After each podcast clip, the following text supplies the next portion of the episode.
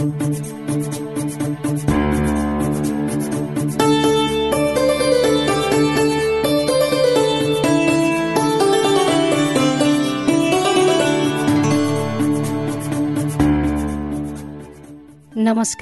कार्यक्रम साझा आवाजमा तपाईँलाई स्वागत छ। म सजना तिमल सिन्हा यो कार्यक्रम सामुदायिक रेडियो प्रसारक संघ अखुराबद्वारा सञ्चालित सामुदायिक सूचना नेटवर्क सिआइएन मार्फत देशभरि प्रसारणमा रहेका करिब तीन सय सामुदायिक रेडियोबाट सुन्न सकिन्छ। साथै फेसबुक पेजमा एट द रेट सिआइएन खबरमा गएर पनि चाहेको बेला तथा मोबाइल एप सिआइएन डाउनलोड गरेर पनि सुन्न सकिन्छ। कार्यक्रममा हामी महिला बालबालिका तथा सीमान्तकृत समुदायको आवाज उठाउनेछौ। यो सँगै अरू विविध विषयमा पनि छलफल गर्नेछौ। आजको कार्यक्रममा हामी विपदको समयमा स्थानीय सरकारले कसरी काम गर्ने तयारी गरेका छन् अनि के गर्नुपर्छ भन्ने विषयमा विविध सामग्री प्रस्तुत गर्नेछौं। नेपालमा यो वर्षको मनसुन प्रवेश गरेको झण्डै एक महिना भइसकेको छ। यो एक महिनामा बाढी पहिरो र चट्याङ लागेर पैंतिस जनाको मृत्यु भइसकेको छ भने लाखौं रूपियाँको भौतिक क्षति पनि भएको छ। यस वर्षको मनसुनमा औसतभन्दा बढी वर्षा हुने मौसम पूर्वानुमान महाशाखाले पूर्वानुमान गरिसकेको अवस्थामा मनसुनजन्य विपदबाट जोगिन स्थानीय तहले के तयारी गरेका छन्? हामीले केही स्थानीय तहका जनप्रतिनिधिसँग कुरा गरेका छौं। सुरुमा मध्य प्रदेश। हामीले सप्तरीको तिलाठी कोइलाडी गाउँपालिकाका अध्यक्ष अरूण कुमार मण्डलसँग कुरा गरेका छौं। क्षति नहोस् भनेर हामी पहिलेदेखि पूर्व तयारी अनुसार हामी अघि बढाएका दस दिन पहिला बाढी आएको थियो। त्यसमा पनि अलिकति क्षति भएकै नै छ। त्यसमा हामी सतर्क भएर चाहिँ जति जे गर्नुपर्ने बाँधसान जे जे गर्नुपर्ने हामी धनजनको क्षति त हुन दिएन। तर चाहिँ केही जग्गाहरूमा छन् अब कुरा के हामी जति सक्दो प्रयास गरे पनि चारवटा नदी प्रमुख नदी नै गाउँपालिका हाम्रो तिलाटी कुलाडी गाउँपालिकामा समाहित भएर एउटा खाँडो जिता मौली उतातिरबाट कोसीको पानी त्यो हिसाबले त्रसित त त्रसितै छौँ हामीहरू। त्यही पनि पूर्ण रूपेण सजग र पुरै तयारीमा छौँ। यहाँ कुनै क्षति नहुने अवस्थामा हामीहरू दिन चाहन्छौँ। त्यही पनि अब हेरौँ के हुन्छ। दस दिन अघिको डुबानको कुरा गर्नुभयो। त्यो बेलामा विशेष गरी महिला गर्भवती अपाङ्गता भएका व्यक्ति बालबालिका ज्येष्ठ नागरिकहरूलाई सुरक्षित स्थानमा सार्नको लागि कसरी काम गर्नुभयो? एकदम सबै थोक हाम्रो जुन छ वर्षायामको जो बाढीवाला त्यो ज्याकेट स्याकेट नाउ सबै हामी थोक राखेका छौँ। तर त्यो अवस्था दस दिन पहिला आएको थिएन।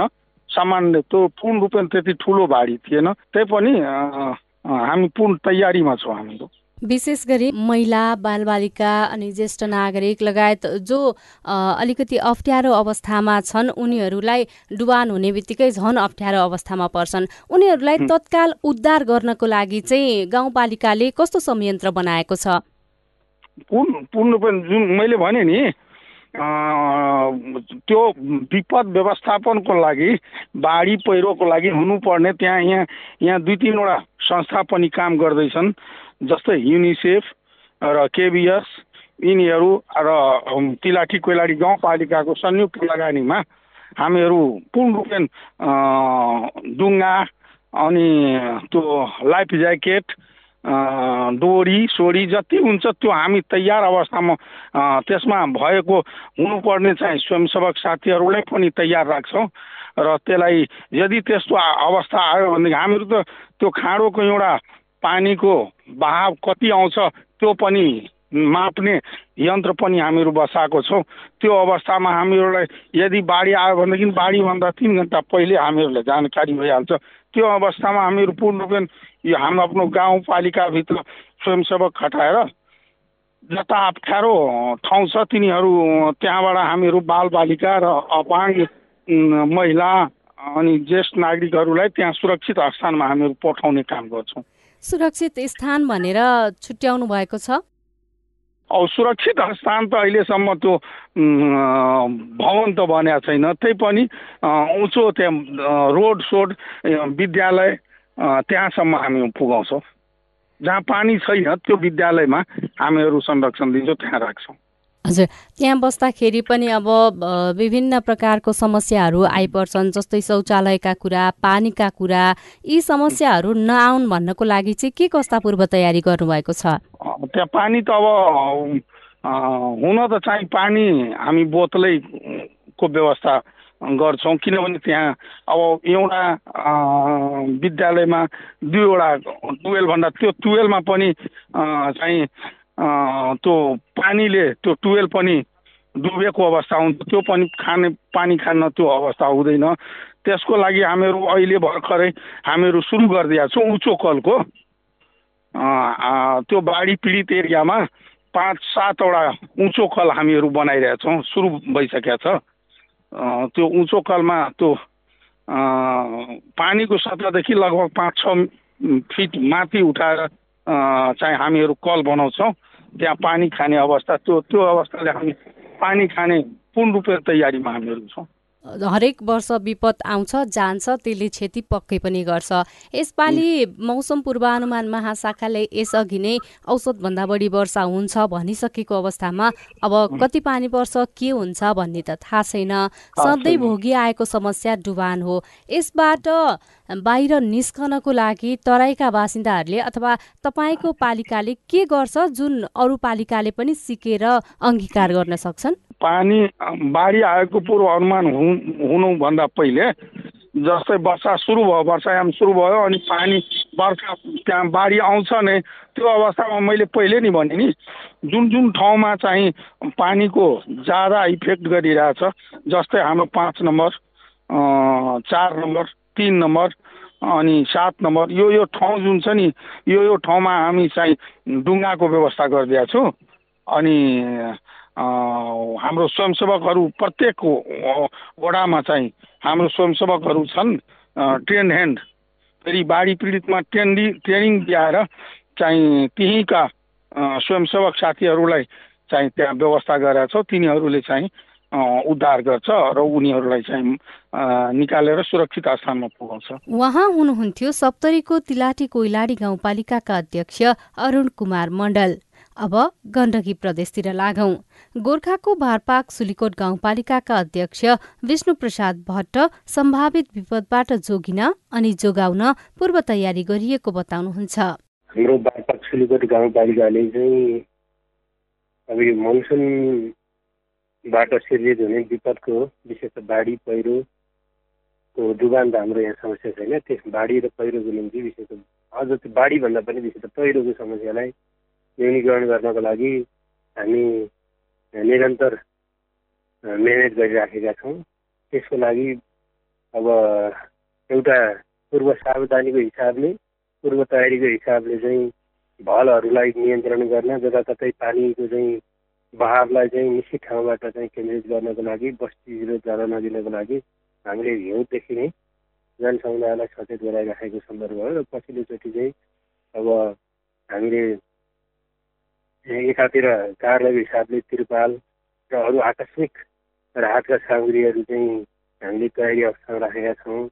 त्यस्तै गरी सूचनाको हिसाबले स्थानीय वडा कार्यालय प्रहरी कार्यालय र वडाका जनप्रतिनिधिहरूलाई पनि जुनसुकै बेला पनि आर्थिक पर्ने अप्ठ्यारोको निम्ति तयारी हुनुको निम्ति उहाँलाई हामीले सचेत गराइराखेका छौँ। त्यस्तै गरी स्थानीय संस्था रेडक्रस लगायतका चाहिँ सहयोगी संस्थाहरूसँग पनि हामी नजिकको सम्पर्कमा छौँ।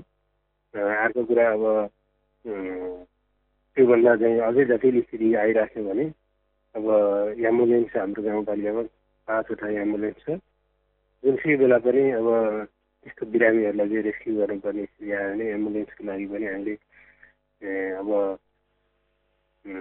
रेडी अवस्थामा उनीहरूलाई तयारी अवस्थामा रहनको लागि हामी अनुरोध गरिराखेका छौँ। र हाम्रो गाउँपालिकामा एउटा चाहिँ ब्याकु लोडर अथवा हामी जेसिबी पनि भन्छौँ। त्यो चाहिँ बाटो अब आकस्मिक रूपमा बाटाहरू चाहिँ अवरुद्ध भयो भने अन्त हाम्रो पक्की बाटो छैन कच्ची बाटोमा पनि अब कहीँ कहीँ ठाउँमा चाहिँ बर्खामा पनि गाडी चल्छ।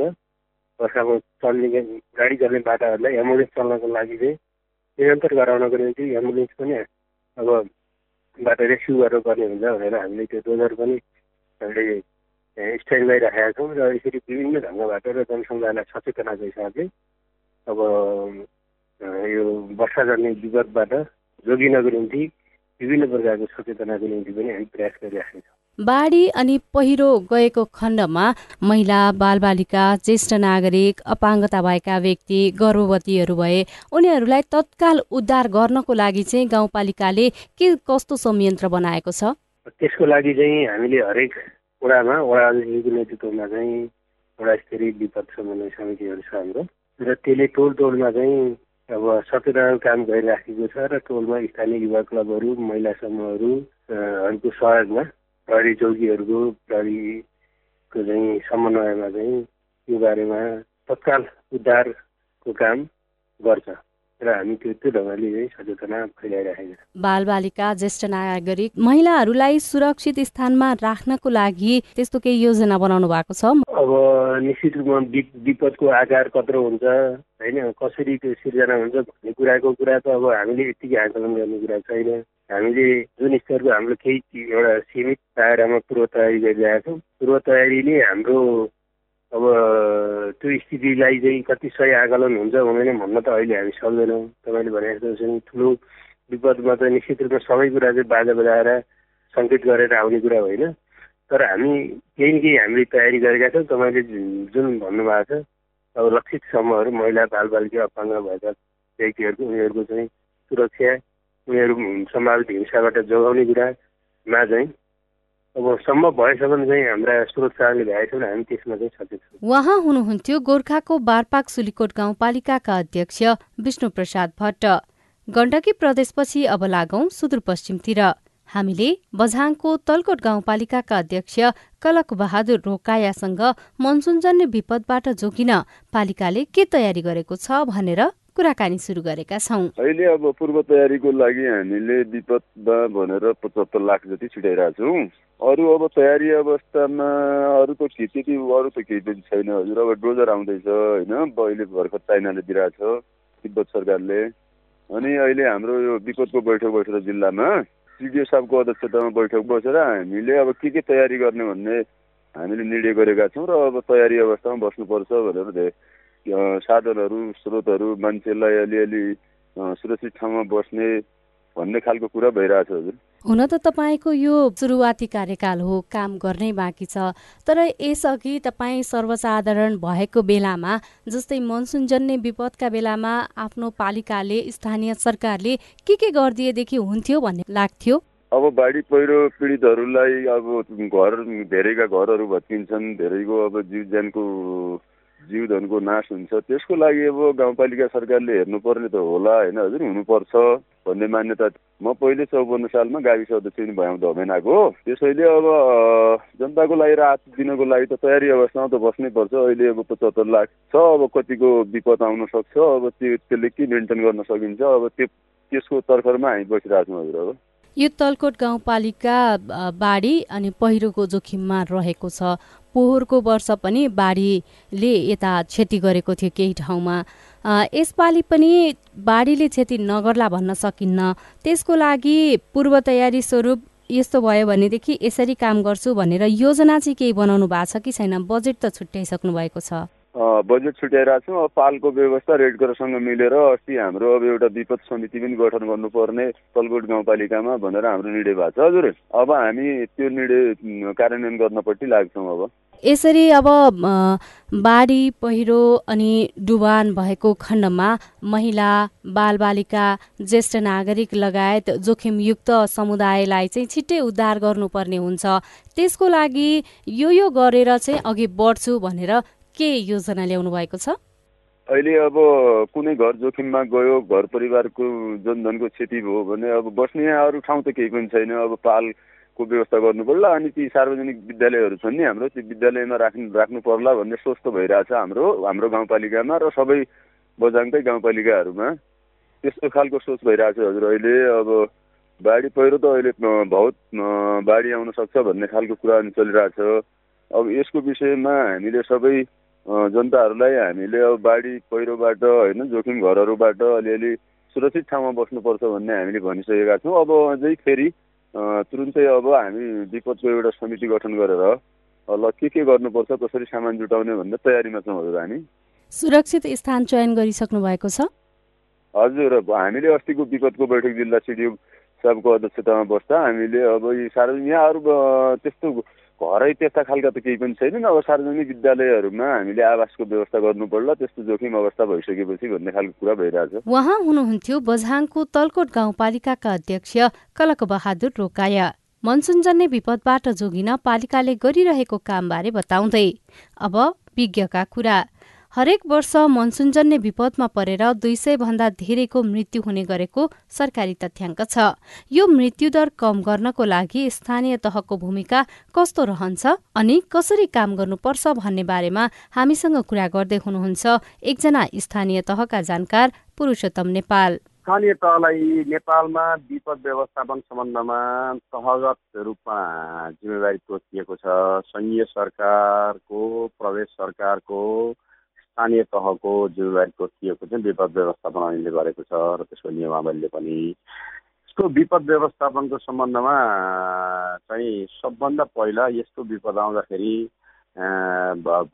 रेस्क्यु गर्नुपर्ने होइन? त्यसपछि पुनरुद्धार भन्छन् उद्धार गर्नु पर्यो त्यसपछि राहत र पुनस्थापना। यो तिनवटा कामहरू गर्नुपर्ने हुन्छ। अब योभन्दा बाहेक यसको पुनर्निर्माण आदि इत्यादि कुराहरू त रेगुलरमा अब अलिकति ठुलो प्रोसेस पर्छ। तत्काललाई त्यस्तो किसिमको विपदको घटना भइसकेपछि विपदको घटनाको खबरको लागि एउटा स्थानीय आपतकालीन कार्य सञ्चालन केन्द्रको रूपमा रहेको हुन्छ स्थानीय तहलाई जानकारी। वडा अध्यक्षको संयोजकतामा भोलिन्टियरहरू राख्ने पनि उहाँहरू हुन्छन्। र स्थानीय तहले त्यस्तो कुरो आइसकेपछि तुरुन्तै त्यहाँ उद्धार गर्नु पर्यो। त्यसमा यस्तो बाढी पहिरो भूक्षय अथवा यस्ता विभिन्न किसिमका चट्याङका प्राकृतिक घटना भइसकेपछि त्यहाँ धनजनको क्षति भएको हुन्छ र कतिपय अवस्थामा मिसिङ हराइएका पनि हुन्छन्। अब त्यस्तो किसिमको खोजी कार्य गर्नु पर्यो उद्धार गर्नु पर्यो पहिलो। अनि त्यसपछि दोस्रो भनेको राहत प्रदान गर्नु पर्यो। कतिको चाहिँ अब बास नभएको हुन्छ खाना लाउन नपुगेको हुन्छ औषधि वितरण गर्नुपर्ने हुन्छ तत्कालै इमर्जेन्सी ट्रिटमेन्ट गर्नुपर्ने हुन्छ।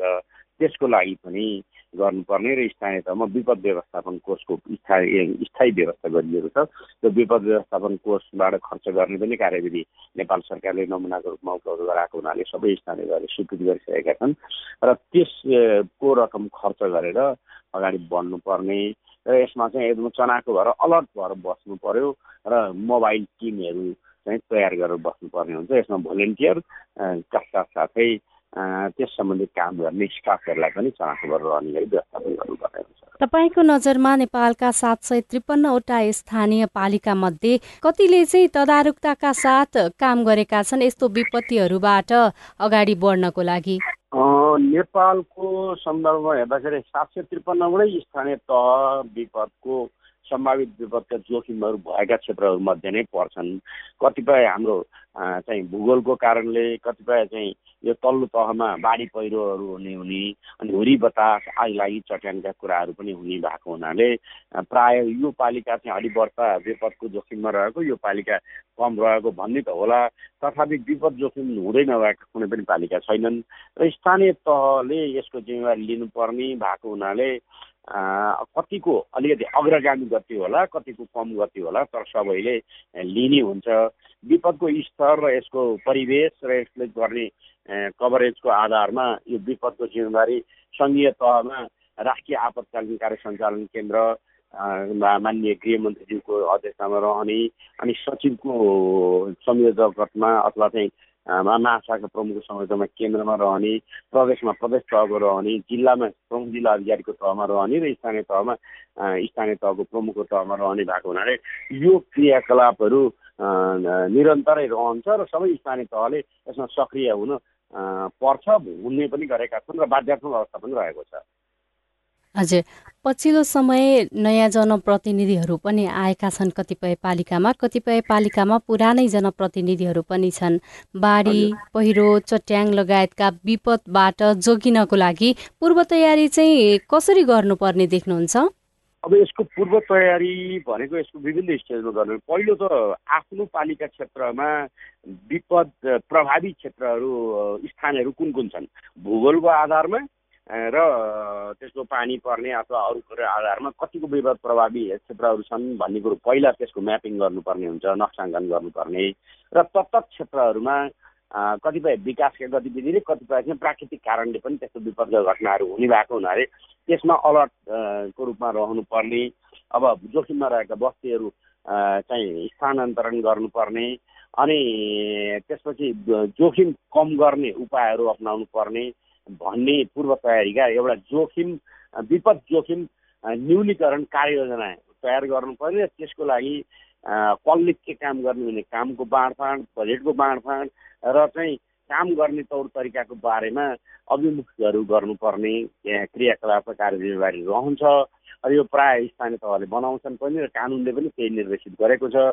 अनि त्यति गरिसकेपछि त्यसको कार्यान्वयनको जिम्मेवारी प्रथम तहमा फ्रन्ट लाइनमा बस्ने को हो? त्यसलाई सपोर्ट सर्भिसहरू कसरी पुर्याइन्छ? अन्तर सरकारका विभिन्न निकायबिच समन्वय कसरी गरिन्छ? र यसमा चाहिँ नागरिक समाज र अन्य प्रभावित व्यक्तिहरू भलिन्टियर यो चाहिँ स्वयंसेवकहरू र अरूलाई कसरी यसमा संलग्न गराउने र रोल कसरी डिफाइन गर्ने भन्ने कुरोहरू हुन्छ। त्यसको साथसाथै खुल्ला क्षेत्र अनि पानीको व्यवस्था अनि त्यहाँ चाहिँ इमर्जेन्सी भयो भने हेलिप्याड जस्ता चाहिँ नि खाद्यान्न तथा अन्य सामग्री ढुवानी गर्ने क्षेत्र पनि तयार गरेर राख्नुपर्ने हुन्छ। यी काममा स्थानीय तहको विपद व्यवस्थापन कार्ययोजनामा संलग्न गराएर जानुपर्ने हुन्छ। समावेश यस्तो विपत्तिहरूको बेलामा विशेष गरी कुन समूह कुन समूहलाई प्राथमिकता दिएर स्थानीय तह अघि बढ्नुपर्छ? अब यसको समूहको कुरा गर्दाखेरि समाजमा विभिन्न तह र हुन्छन्। एक त इमर्जेन्सी पर्दा सबैलाई पर्छ। तथापि त्यहाँ चाहिँ सीमान्तकृत जनता गरिब निमुखाहरूको बसोबास पनि यो विपद जोखिम क्षेत्रमा बढी हुने र अन्यत्र पनि र प्रभाव पनि उनीहरूलाई बढी पर्ने हुन्छ। त्यसैले गर्दाखेरि ती गरिब निमुखा र सीमान्तकृत क्षेत्रमा बसोबास गर्ने जनसङ्ख्यालाई पहिला र त्यसबाट प्रभाव हुने महिला बालबालिका दलित यो चाहिँ तपाईँको चाहिँ नि लैङ्गिक हिसाबले र चाहिँ अन्य हिसाबले पनि यसमा बढी हेर्नुपर्ने र चाहिँ निमुखा गरिबलाई चाहिँ पहिलो प्राथमिकता दिएर अगाडि बढ्नुपर्ने हजुर। जसरी अब विपद आइसकेपछि उद्धारको काम हुन्छ राहतको काम हुन्छ त्यसमा पनि महिला पुरुष सबैजनालाई एकै ठाउँमा राख्दाखेरि विभिन्न स्वास्थ्य समस्याहरू पनि आइपर्यो विभिन्न अरू सामाजिक समस्याहरू पनि आइपर्यो भन्ने खालका कुराहरू पनि आउँछन्। स्थानीय तहहरूले सुरुमै यो विपद व्यवस्थापनको तयारी गर्दै गर्दा के कस्ता कुराहरूमा चाहिँ विशेष ध्यान दिनुपर्छ? यसको कस्तो के भनेदेखि विपद आइपर्छ। यो हामीले रोक्न सकिँदैन त्यसको प्रभावलाई न्यूनीकरण गर्ने हो। त्यस कारणले विपद आयो भने कहाँ पुनस्थापना गर्ने कहाँ स्थानान्तरण गर्ने तत्काल कसरी बसोबास गराउने त्यहाँ महिला पुरुषलाई कसरी छुट्याएर राख्ने अथवा बालबालिकालाई कसरी हेर्ने त्यहाँ चाहिँ औषधि उपचारका कुराहरू पनि हुन सक्छन् र इमर्जेन्सी ट्रिट गर्नुपर्ने कुराहरू यो चाहिँ आपतकालमा गर्नुपर्ने कुराहरू हुन सक्छन् त्यसमा चाहिँ उहाँहरूलाई नि पोषणका कुराहरू हुन्छन् कतिपय चाहिँ नि यो बच्चा पाउने महिलाहरू हुन सक्छन् अथवा चाहिँ आमालाई बच्चालाई दुध खुवाउने महिलाहरू हुन सक्छन् त्यस्तोमा। र यसमा चाहिँ अलिकति लैङ्गिक तथा अन्य हिंसाका कुराहरू पनि बेला बेलामा भएको कुरो देखिएको छ। ती कुराहरूलाई न्यूनीकरण गर्नलाई चनाएको हुनुपर्छ र यसमा चाहिँ स्वयंसेवकहरू र चाहिँ स्थानीय तहका निर्वाचित जनप्रतिनिधिहरू वडा सदस्यहरू कार्यपालिका सदस्यहरूलाई समेत यसमा खटाउने र स्थानीय समाज नागरिक समाज भद्रबलाग्नेहरूलाई पनि यसमा जिम्मेवारी तोकेर अगाडि गयो भनेदेखि राम्रो हुन्छ होला। हुन त एक महिना भइसकेको छ मनसुन नेपालमा प्रवेश गरिसकेको कतिपय अवस्थामा विभिन्न ठाउँमा असर पनि गरिसकेको छ। अझै अझै महिनौ बाँकी भएको हुनाले के के कुरामा ध्यान दिएर स्थानीय तह अघि बढ्दा चाहिँ क्षति न्यूनीकरण गर्न क्षति कम गर्नलाई सहयोग मिल्छ? अब यसको नि सजनाजी हामी कहाँ आउने विपदहरूका विभिन्न प्रकृतिहरूलाई हेरौँ हामी। एउटा मनसुनको बेलामा आउने बाढी पहिरो र यसले बगाउने अथवा चाहिँ पुर्ने आदि इत्यादि एउटा हुन्छ। त्यस्तै चाहिँ यो चट्याङ पर्ने कुराहरू पनि भइरहेका हुन्छ।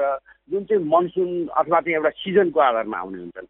भूकम्पलाई हामी सिजन भन्दा पनि कुन जुनसुकै बेला आउने त्यस कारणले कुन प्रकृतिको विपद आउने एउटा सिजनल सधैँ वर्षै पछि दोहोरिने यसलाई एक किसिमको व्यवस्थापनबाट र कहिलेकाहीँ आकल जुगल आइरह्यो भने अर्को किसिमबाट व्यवस्थापन गर्नुपर्ने हुन्छ। त्यसको व्यवस्थापन गर्नलाई सीमान्तकृत क्षेत्रहरू कहाँ कहाँ छन् र त्यस्तो क्षेत्रमा बसोबास गर्ने त्यस्तो क्षेत्रमा आफ्नो आजीविका चलाउनेहरूलाई सतर्क गराउने र चाहिँ कम जोखिम क्षेत्रमा सार्ने एउटा बाटो उनीहरूले तयारी गर्नुपर्ने। अब विपद भइसकेपछि त्यसको उद्धार र पुनर्स्थापना गर्नको लागि यो चाहिँ सामुदायिक भवनहरू सामुदायिक क्षेत्र खुल्ला क्षेत्र जहाँ चाहिँ चर्पीको व्यवस्था खानेपानीको व्यवस्था औषध उपचार डिस्पेन्सरीको व्यवस्थाहरू गर्नुपर्ने त्यहाँ चाहिँ पहुँच हुन सक्ने। सजिलै सवारी साधन अथवा अन्य साधन जान सक्ने। किसिमको व्यवस्थापन गर्नुपर्ने एउटा पाटो हो। अनि कतिपय चाहिँ यस्तो विपद भइसकेपछि पानी नपाएर पानी खानेपानी नपाएर त्यसबाट चाहिँ रोगहरू आउँदै सर्ने र विभिन्न किसिमका महामारीहरू हुन सक्ने सम्भावना हुनाले खानेपानीको व्यवस्था गर्नु पर्यो र त्यसको साथसाथै सरसफाइ अब टोइलेट को अर्को महत्त्वपूर्ण विषयवस्तु हुन्छ भने उपचार गर्नको लागि तत्काल केही बेडहरू यो अस्पतालका बेड प्राथमिक स्वास्थ्य उपचार केन्द्र स्वास्थ्य उपचार केन्द्र अथवा आफ्नो अस्पतालमा यति चाहिँ इमर्जेन्सीको लागि हामीले राख्नुपर्छ भनेर राख्ने त्यही किसिमको औषध उपचार इमर्जेन्सीमा तत्काल उपचार गर्ने औषध उपचारको कुराहरू र राहतको लागि खाद्य सुरक्षा। अब त्यसको लागि चाहिँ कति के चाहिन्छ त्यो चाहिँ वितरण गर्नको लागि तत्काल आइपऱ्यो भने जाने भएर यसको स्टकमा राख्नुपर्ने। र कतिपय विपद उद्धार सामग्रीहरू यसमा चाहिँ विभिन्न किसिमका औजारहरू हुन्छन्। अब साबेल होला कुटो कोदालो खनखान गर्ने अथवा त्यहाँबाट सार्ने अरू गर्ने विपदबाट घर भत्किएर पुग्यो भने त्यसलाई पन्छाउने अनि यस्ता कुराहरू र कतिपय अवस्थामा ठुल्ठुलो भवनहरूमा असर पऱ्यो भनेदेखि त्यसलाई पटाउन सक्ने स्काभेटरहरूका कुराहरू समेत आवश्यक पर्छ। त्यसैले विपदको ग्राभिटी कस्तो हो? मतलब त्यसको ऊ गहनता कस्तो छ? त्यो गहनताको आधारमा कसरी जानुपर्छ भनेर हरेक स्टेप बाई स्टेपको तयारी चाहिँ गर्नुपर्छ। यो सँगै हामी कार्यक्रमको अन्त्यतिर आइपुगेका छौं। आजको विषयवस्तु तपाईँलाई कस्तो लाग्यो? कार्यक्रममा कस्ता विषय उठान गर्नु पर्ला? हामीलाई सुझाव दिन सक्नुहुनेछ। हाम्रो टेलिफोन नम्बर शून्य एक बान्न साठी छ चार छमा फोन गरेर आफ्नो आवाज रेकर्ड गर्न सक्नुहुनेछ। यस्तै हामीलाई Facebook page community information network सिआइएनमा गएर पनि आफ्ना कुरा लेख्न सक्नुहुनेछ। हामी तपाईँको प्रतिक्रिया पर्खिरहनेछौ। आजलाई कार्यक्रम साझा आवाजबाट प्राविधिक साथी सुनिल राज भारतसँगै सजना तिमल सिना विदा हुन्छु। नमस्कार।